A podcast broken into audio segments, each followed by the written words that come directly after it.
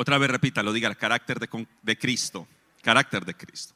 Le quiero, permítame antes de empezar a predicar, eh, leerle el prefacio, la introducción de este, de este libro. El tema de carácter a cualquier nivel siempre será una, de suma relevancia en cualquier estado en el que el ser humano se quiera desarrollar y obviamente en este tema en cuestión del carácter del cristiano. Demanda una atención especial puesto que su carencia ha presentado una necesidad histórica en la vida del ministerio, no solo en tiempos bíblicos, sino también en la historia contemporánea más reciente. Dentro de esa investigación minuciosa encontramos esa falta de carácter que se expone en este libro. No solo el plan inicial del hombre en la creación, sino también que ha expuesto el fracaso de sociedades, reinos y naciones enteras, el tema del carácter. Además, escudriñando en la historia de, grandes personajes bíblicos y grandes ministerios, vemos que han expuesto la integridad de la iglesia y el reino, lo que nos muestra y desnuda el problema que a través de los siglos ha dejado una puerta abierta por donde los enemigos del pueblo de Dios ha querido invadir el plan y los propósitos de Dios para su pueblo. La definición clara del problema, motivo de esta investigación como ministro en los últimos 25 años, He buscado todos los medios para desarrollar recursos amparados en la vivencia, revelación, en el estudio y pudiendo alcanzar grandes logros a través de enseñanzas, congresos, seminarios, la iglesia local y diferentes naciones por donde Dios me ha permitido servir.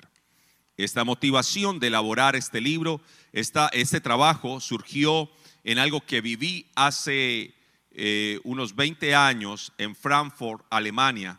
Está hablando nuestro apóstol Wilmer. Y a través de una pequeña historia que quiero expresar, estando en el hotel 6 de agosto en 1986, tuve la oportunidad de conocer a una socióloga holandesa casada con el embajador de Holanda en Brasil en esa época. Esta mujer amaba mucho la cultura latina y empezamos a intercambiar las ideas, lo que me llevó a hacerle una pregunta. Yo le dije, ¿por qué los europeos nos consideran naciones subdesarrolladas? Y ella me respondió, los europeos no los consideramos de esa manera. Ustedes se comportan subdesarrollados. A lo que yo le dije, un momento, explíqueme eso. Y ella me dijo, te voy a colocar un ejemplo. Como, estamos en este restaurante, ella tenía una copa de vino en su mano y me dijo, si yo dejo caer la copa al suelo, como soy europea, voy a decir, yo quebré la copa. Pero ¿sabe lo que va a decir un latino? Se quebró la copa. Allí está la diferencia. Yo asumí mi responsabilidad. Ustedes no asumen responsabilidades, las evaden. Después de esto, a través de ese análisis de cultura, me retó, llevándome a ver, diga conmigo, cultura, diga cultura. Me retó, llevándome a ver la enorme necesidad de desarrollar el carácter de Cristo en mi vida. Atentamente, apóstol Wilmer Franco. Es más que hacer un manual. Diga conmigo, es trabajar en mí. ¿Sabe cuánto cobra un entrenador por trabajar en usted? Miles de dólares. ¿Sabe cuánto vale este entrenamiento? 20 dólares. Pero como no nos cuesta mucho, no lo valoramos. 20 dólares. Pero esta casa es diferente. Toque al que está a su lado y dígale, es diferente. Sabe que aquí hay una riqueza de un ministerio de más de 25 años. Hay que aprovecharlo. ¿Qué voy a hacer? Yo con mi esposa voy a estar al final. Usted se inscribe. No los tiene que pagar ahí. Solo regáleme sus datos. Mándeme un mensaje de texto. Pastor, inscríbame. Voy a estar esos dos días en un entrenamiento llamado, ¿cómo se llama? Carácter. Dice, activando la naturaleza divina. ¿Estamos? Sepáralo, es un entrenamiento para usted, pastor. Muchas gracias. Muy bien, amados, ¿preparados para la palabra? Diga cultura. Diga, culturízate con el pastor. Aleluya. Padre, no quiero hablar yo. Quiero que tú hables a tus hijos en el poderoso nombre de Jesús. Amén. Amados, el título de esta predicación se llama ¿Qué ves tú? ¿Cómo se llama? ¿Qué ves tú? Cuando te miras, cuando te miras al espejo, eso, hija, papi, por favor, mamá.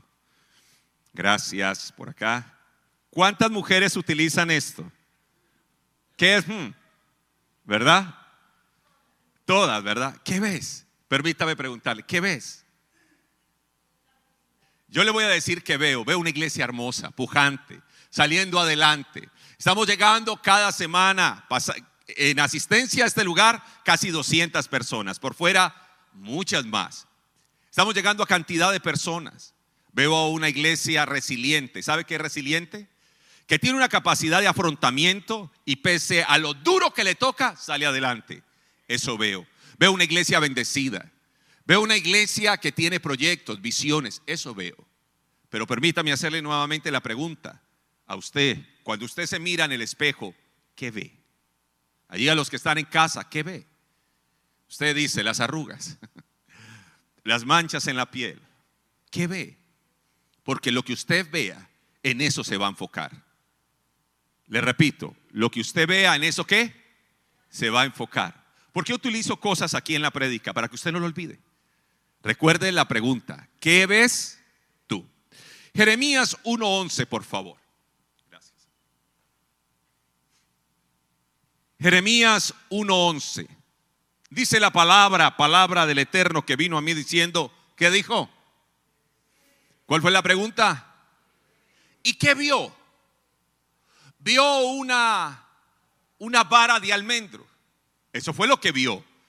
Pero mire la interpretación, versículo 12 dice, y me dijo el Eterno, bien has visto porque yo apresuro mi palabra para ponerla por obra. ¿Y qué relación tiene el almendro con la palabra? Pregunta de Chick-fil-A. ¿Qué relación? ¿Por qué vio una palabra? Yo veo un pedazo de almendro, una vara, la reconoció, sabía de qué árbol era. Usted me muestra a mí una vara y le digo que ahí quedó. Pero Jeremías sí conocía de esto. Y cuando la vio dijo, eso es un almendro.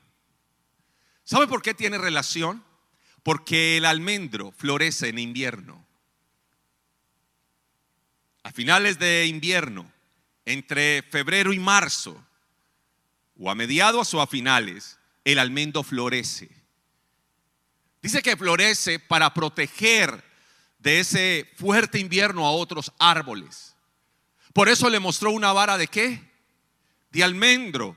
Y le dice Dios, así, y esto lo voy a profetizar en esta mañana para que usted lo reciba, así como el almendro el almendro florece en el invierno. Así florece mi palabra en tu peor crisis, en tu peor frío, en el momento que usted dice no puedo más. Ahí dice la palabra, yo hago florecer, florecer, florecer en el nombre de Jesús. Viene por segunda vez la palabra y le dice, versículo 13, ¿qué ves tú? Otra vez, ¿qué le pregunta? Y él dice, yo veo un sancocho. Perdón, una olla hirviendo. Diga al que está a su lado, dígale, se está cociendo algo. Vamos, vamos. ¿Qué sopa le gusta a usted? A mí me gusta el sancocho trifásico. Eso en inglés no sé cómo se traduzca. Pero que no sé qué le gusta, pero hay una olla que está cocinando algo. Y lo que está diciendo esta palabra es, yo estoy cocinando. Vamos, dígalo. Yo estoy cocinando. Yo estoy preparando algo. ¿En qué momento? En la peor crisis. Lea el libro de Jeremías. Es un libro que se escribe en la peor crisis de un pueblo. Y ahí Dios dice, yo apresuro la palabra y yo pongo prontamente la olla a hervir. Por eso la pregunta que Dios le hace a Jeremías es, ¿qué estás viendo a través de tus crisis? ¿Qué estás viendo a través de tus crisis? Mire al que está a su lado y dígale, ¿qué estás viendo a través de tus crisis? Porque en tu peor crisis tal vez Dios está acelerando la palabra. Porque en tu peor crisis, en eso que está hirviendo, en eso que usted no sabe ni por dónde cogerlo o agarrarlo, Dios está apresurando su palabra. Hemos estado trabajando un seriado que hoy voy a cerrar sobre excelencia. Nuestro apóstol Wilmer habló sobre excelencia basada de esa excelencia interna, de esa esencia que Dios puso. Luego habló de hábitos, luego la pastora Aliana habló de conocer, ser y hacer. Luego yo prediqué hace ocho días sobre eh, los filtros. Y hoy voy a predicar sobre qué ves tú. Porque yo no veo, no quiero ver lo que humanamente podría estar viendo. Yo quiero ver la excelencia de Dios en mi vida. Eso es lo que quiero ver, la excelencia de Dios en mi vida.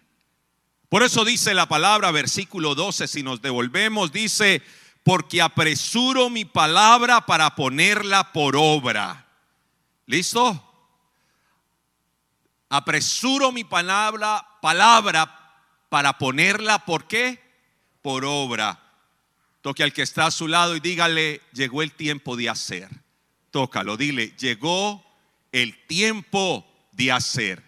Porque muchos pensamientos hay en tu corazón, pero el hacerlo, la práctica de esto, porque el Evangelio no termina cuando me bajo del púlpito de aquí, el Evangelio comienza cuando yo me bajo de aquí. Cuando usted llega a casa, sus labores no han terminado. Ahí es donde empiezan las labores de casa. Aprenda a recibir a su marido bien en casa, porque ahí es donde comienza tu buena labor. No se trata de una comida, se trata de recibirlo bien. Prométame eso. Usted va, llega a su esposo, hola, ¿qué más? ¿Cómo está? Qué alegría. Pero esa no es la predicación, vamos a la predica. ¿Qué ves tú? Muy bien, Filipenses 4:9. Dice la palabra lo que aprendiste. Vamos, vamos, lo que dos, tres, y lo que viste en mí, ¿qué debes de hacer? Hágalo. Y el Dios de paz estará contigo. Así que número uno, déjame ese versículo ahí, no lo vayas a quitar, un momento. Tal vez solo nos quedaremos con él. Dice la palabra, lo que qué? Aprendiste. ¿Qué fue lo que aprendiste? Tenemos una batalla entre culto y cultura. No es lo mismo. El culto es un sistema religioso donde por décadas, por eh, centenas y, y millares, las personas le han dado culto a algo. En remanente no damos culto, sino que en remanente es una cultura. Lo voy a explicar. No se trata de que usted venga un domingo. Se trata de lo que vive en la semana para llegar al domingo. No se trata, como me dijo una señora, yo no vuelvo a remanente. ¿Por qué? Pecadores. ¿Por qué? Allá van usando minifalda. Yo en cambio utilizo la minifalda de lunes a sábado, pero el domingo no, porque debo de honrar a mi Señor. Yo dije, esto no lo puedo estar escuchando. Culto es prepararme para aparentar algo el domingo. Cultura es como trato a mi esposa toda la semana. Cultura es como trato a mis hijos toda la semana. Cultura es como trato a mis empleados toda la semana. Llego el domingo y el domingo no me define. El domingo es tan solo la gratitud que tengo para Dios. Pero cuando es un culto, le doy énfasis al culto. Hermano, no lo vi el domingo. ¿Por qué en lugar de preguntar, hermano, no lo vi el domingo, preguntas, hermano, ¿usted cómo está? Porque en remanente nos importa más que usted venga un domingo, nos importa más cómo viva. El culto dice obligado, pero viene. si alguno está obligado puede, no, no, no, mentira, no. Pero el culto dice obligado, pero viene. La cultura dice, ven, yo te enseño a vivir a Cristo. Lo que aprendes, lo que recibes, lo que oíste y lo que ves, hágalo.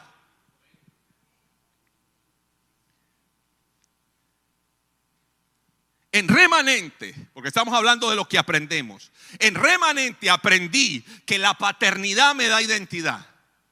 Eso fue de las cosas primeras que aprendí. Diga, Dios es mi papá. Vamos, vamos, vamos, dígalo. Dios es mi papá. me di a la tarea de estudiar muchas religiones por ser estudiar teología. Y en algunas cosas las religiones se parecen. Pero algo que tiene el cristianismo que no se parece a las demás religiones es el Dios de amor, de gracia inagotable que tenemos. Y una de las cosas que me gusta cuando a Jesús le dicen, enséñanos a orar, Él dice, así, ah, digan, Padre. Vamos, diga, Padre. Diga, yo tengo Padre. Vamos, dígalo, yo tengo Padre.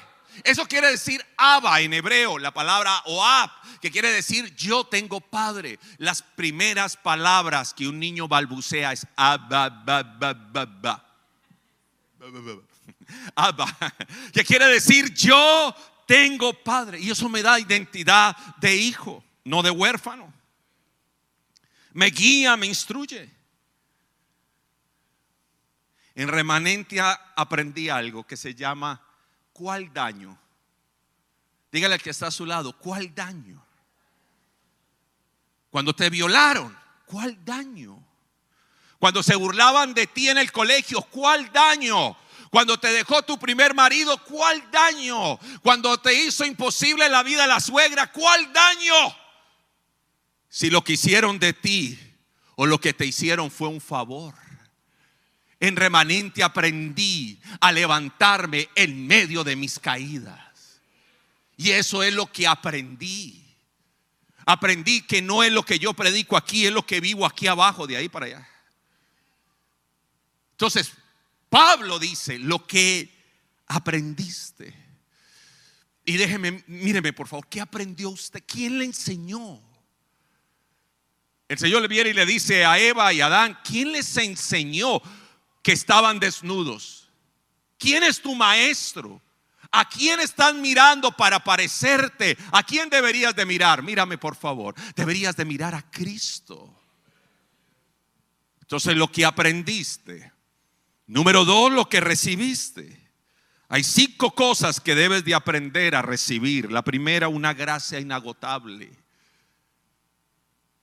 En esta casa no se habla de juicios, aunque los juicios son verdaderos. Pero los juicios no son para este tiempo, sino ninguno calificaría.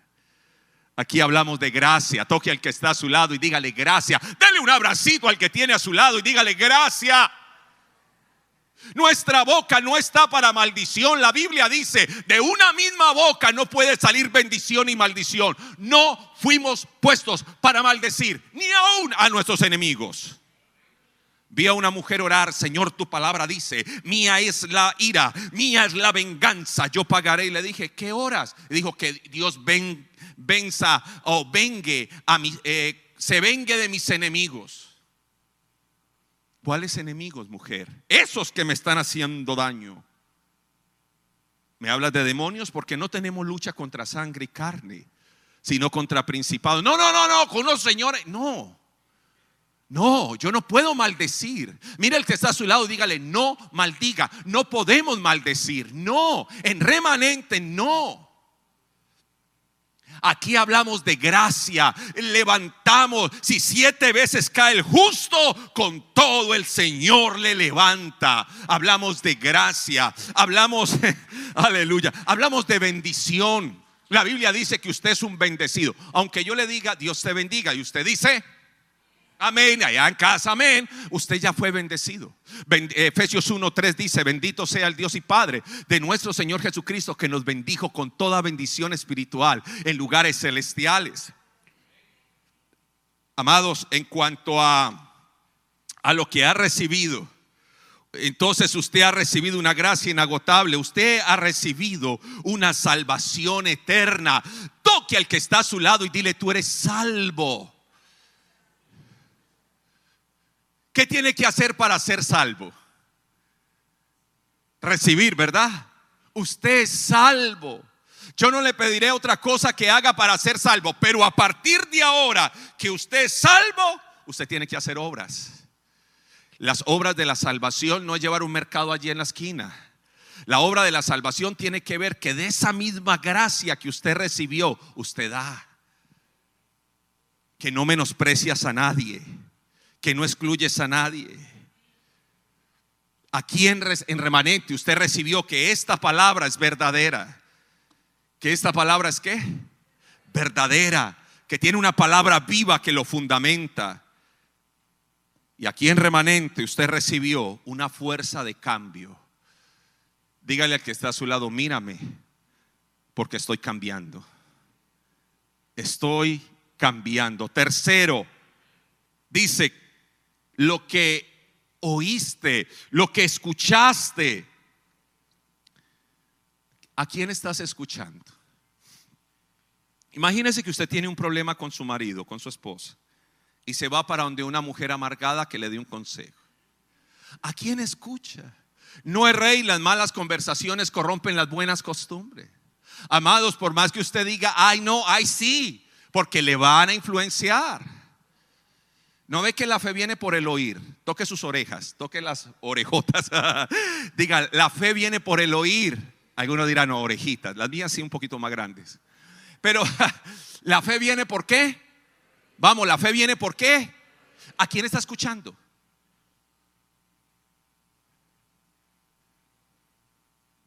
Yo escucho reggaetón. Aquí escucha. Usted lo que escucha, entonces ¿a quién escucha? Caso cerrado. A lo bien, pastor, que eso se parece a algunas historias de vida. ¿A quién escucha? La Biblia dice lo que qué. Exacto, lo que qué. Lo que oíste. Yo debo de escuchar una palabra que me reta. Yo debo de escuchar una palabra que me transforma. Yo debo de escuchar una palabra que me ubica. ¿A quién oyes? Y número cuatro, lo que viste en quién. ¿Qué están viendo tus ojos? Yo les puedo dar un discurso aquí de dos horas, qué sé yo. Pero si al bajarme hago todo lo contrario, mi discurso no sirvió. ¿Qué están viendo tus hijos? Mi hijo, es que hay que orar, hermano. Hay que orar. ¿Y usted ora?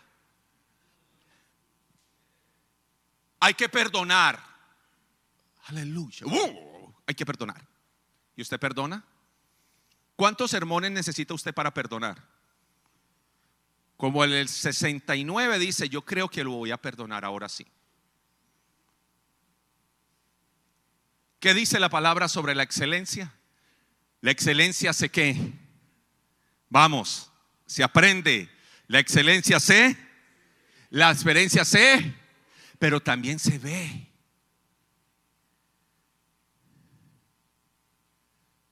No me diga que eres cristiano porque cargas una Biblia. Dígame que es cristiano porque se parece a Jesús. Dígame que es cristiano. Dígame que esto es real porque lo veo en su vida.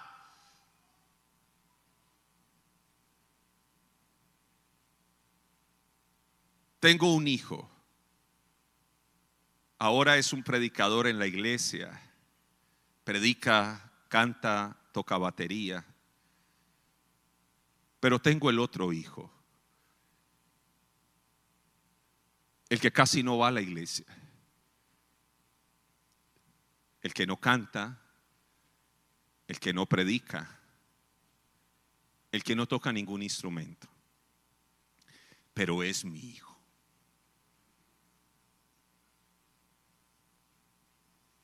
El otro recibe ovaciones y aplausos todo el tiempo. Este ningún aplauso recibe. Este es silencioso, muy callado. El otro muy carismático. Este me ha sacado canas. Este calladamente ha vivido su proceso. Este cuando me vine para Estados Unidos tuvo su peor crisis se enojó con Dios.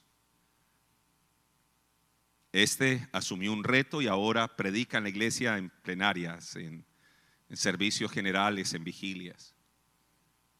Tengo dos hijos muy diferentes. ¿Cuál de ellos es mi hijo. Los dos. ¿Cuál de ellos hace lo excelente? Los dos. Porque no se trata de ellos, se trata de mí. No se trata de tus hijos, sino de lo que siembras en tus hijos. No importa la crisis que estén pasando tus hijos, lo que me interesa en este día es lo que sembraste en ellos. Porque usted también tuvo crisis, sí o no. Pero ellos tuvieron que haber aprendido, recibido, oído, visto de ti que usted confía en el Dios que te da la paz.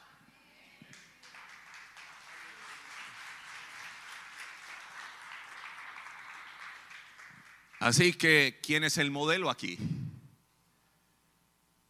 Hablo de modelos que enseñan, que reciben, que oyen, que ven.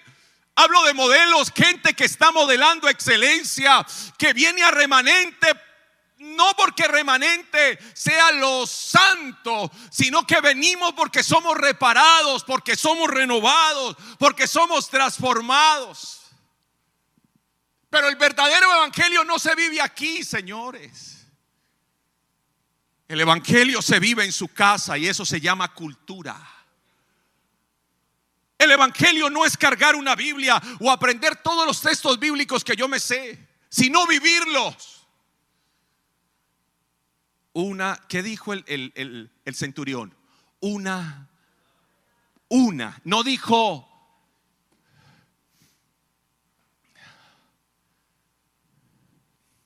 No recuerdo cuántas palabras tiene la Biblia, pero sí lo tengo escrito. No dijo que, tres millones, dijo una palabra tuya bastará para qué? Para sanarle. Amados, no, no me hable del Evangelio, muéstremelo. Mira que está a tu lado y dile, no me hables del Evangelio, muéstramelo. Muéstramelo como tratas a tu esposa. Muéstramelo como tratas a tus hijos, al prójimo. No a los que te besan y te acarician, sino a aquellos que te sacan. Aquellas personas que creo que son hermanos de Barrabás. Ahí, ahí vas a mostrar el verdadero evangelio donde puedes vengarte y hacerle mal, pero decides hacer bien. Donde podrías con una palabra tuya, un juicio tuyo, dañar mucho y usted calla y bendice. Hoy te pregunto qué ves, pero también me pregunto qué veo. Ya llevo un año ya les puedo hacer un escáner de lo que he visto. Pero usted también me puede escanear a mí. Usted también me puede mirar. Porque yo soy, tenemos que ser como libros que abiertos, ¿verdad?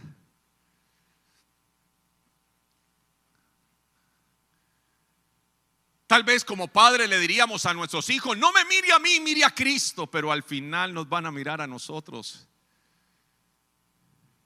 Dice la Biblia, con nuestra boca bendecimos al Rey del universo, pero con ella también maldecimos a los hombres que son iguales a nosotros. Dices que amas a tus hijos, pero cuando te enojas, te enojas, oiga, y saca unas palabrotas. Déjame ver a Jesús. Yo necesito ver a Jesús en tu vida. ¿Cuál es tu modelo? ¿De quién aprendiste a amar? Cierro la predicación, se acabó el tiempo. ¿De quién aprendiste a amar? ¿Quién te enseñó a bañarte? Atendí a una mujer llorando, llorando en su sanidad interior, dijo que cuando se puso su primera toalla higiénica, nadie le enseñó cómo ponerla y la parte del pegante la pegó a sus partes íntimas. Se quemó. ¿Quién te enseñó a vestirte? ¿Quién te enseñó a rasurarte? ¿Quién te enseñó a comer? ¿De quién aprendiste a ayudar? ¿De quién aprendiste a abrazar? Hoy les muestro un nuevo camino. Hay que volver a reaprender. Y eso es parte de la excelencia en nuestra vida. Señor, todavía me falta. No soy producto terminado. Voy en el proceso. Enséñame a amar como tú amas. Dígalo conmigo, enséñame a amar como tú amas. Enséñame a dar como tú amas. Enséñame a levantar como tú levantas. Enséñame a abrir la puerta como tú la abres. Enséñame. Cierro la predicación. ¿Cuánta, ¿Cuánto influencia? Pregunta de examen. ¿Cuánto influencia la herencia que, de tu papá y tu mamá a tu vida? ¿Cuánto influencia? De un 100%, ¿cuánto influencia? Eso a nivel de neurociencia lo investigué. ¿Cuánto influencia tu vida? De 1 a 100. ¿Cuánto? Ahí en la casa, colgan, pongan en el chat cuánto creen. ¿Cuánto? 80, 100. 70, ¿quién da más? Solo el 35%. ¿Qué quiere decir eso? Solo el 35%. ¿Qué quiere decir? Que tiene un 65% de posibilidad de cambiar la historia de tu familia que no te puedes seguir escudando en los errores de tu mamá, en los errores de tu papá para cometer los tuyos. Eso se llama carácter. ¿Cómo se llama? Carácter. Carácter es, tengo un 35 de don Humberto que era peleón y borrachín. Y de un 35 de doña Amanda que es una hermosa alegona.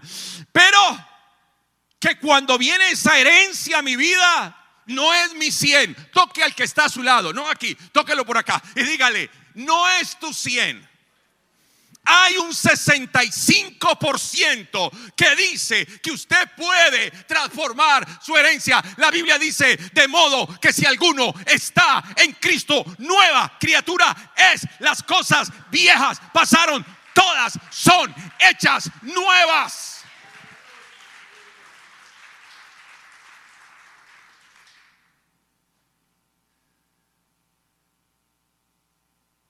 ¿Qué ves tú?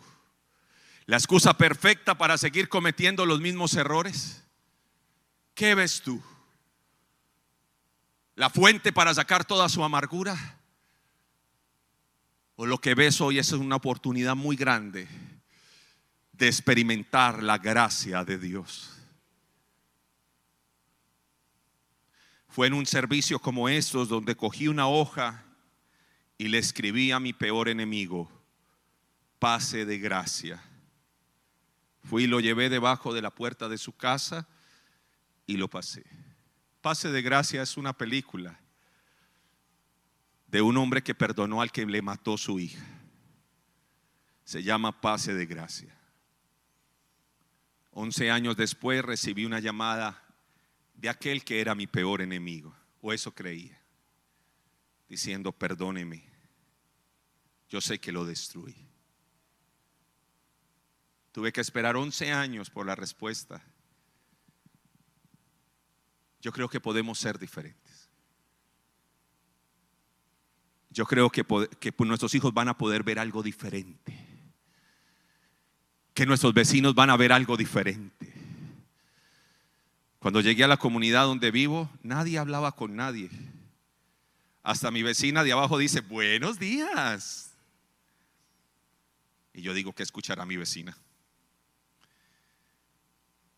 Qué bueno cuando usted puede saludar, ser diferente. Qué bueno que usted se va ahora y antes de irse abraza a alguien. Porque usted va a ser diferente. Yo quiero ver algo diferente. ¿Cuántos quieren ver algo diferente en esta iglesia? En los próximos cinco años usted verá reuniones aglomeradas, numerosas, servicios tremendos. ¿Por qué? Por lo que estoy viendo. Veo a un hombre como es Alejandro de León trabajando incansablemente, a Juan Carlos Uribe, a las esposas de nosotros, de cada uno, la Stephanie Jessica, Eliana, dándole a un equipo trabajando. Yo veo algo diferente. Yo veo una iglesia diferente, yo los veo prosperando. No que no hubiesen prosperado, al contrario, veo el fruto de 20 años. Pero antes yo tenía que contarles a ustedes lo que Dios está haciendo en las naciones. Ahora las naciones escucharán de lo que Dios está haciendo en Estados Unidos.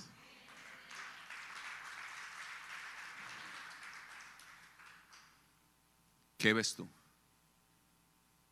Vamos, ¿qué ves tú? ¿Cómo está? ¿Bien para no preocuparlo? ¿Qué ves tú? No, pastor, ya no aquí. Cumplí 40, ya estoy muy viejo. No, señores, estamos apenas arrancando. Toque al que está a su lado y dígale, apenas estás arrancando. Tenés 60, tenés 70, señores. Vieja la cédula y la mentalidad con que usted piensa. Pero hoy quiero ver algo diferente. ¿Puedo ver algo diferente en esta iglesia? Puestos en pie, por favor.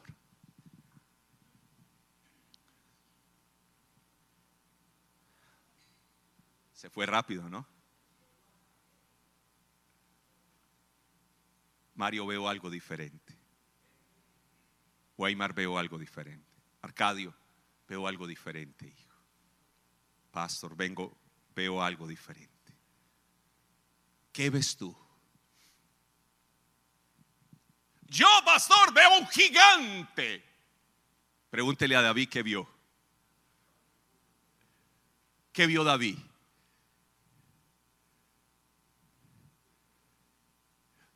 David vio la gloria de Dios y dijo, hoy, hoy daré de comer a las, a los, a las, a las aves de los cielos. Hoy ese circunciso verá lo que es Dios.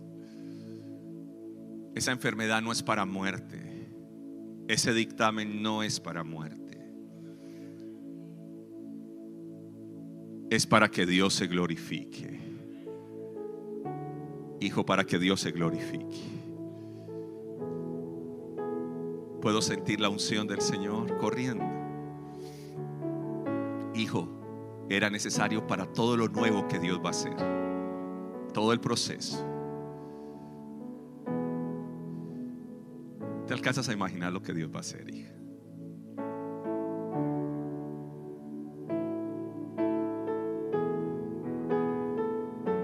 Pastor, ¿dónde estaba Dios en mi caída? I don't know. Pero sé dónde está tu levantar.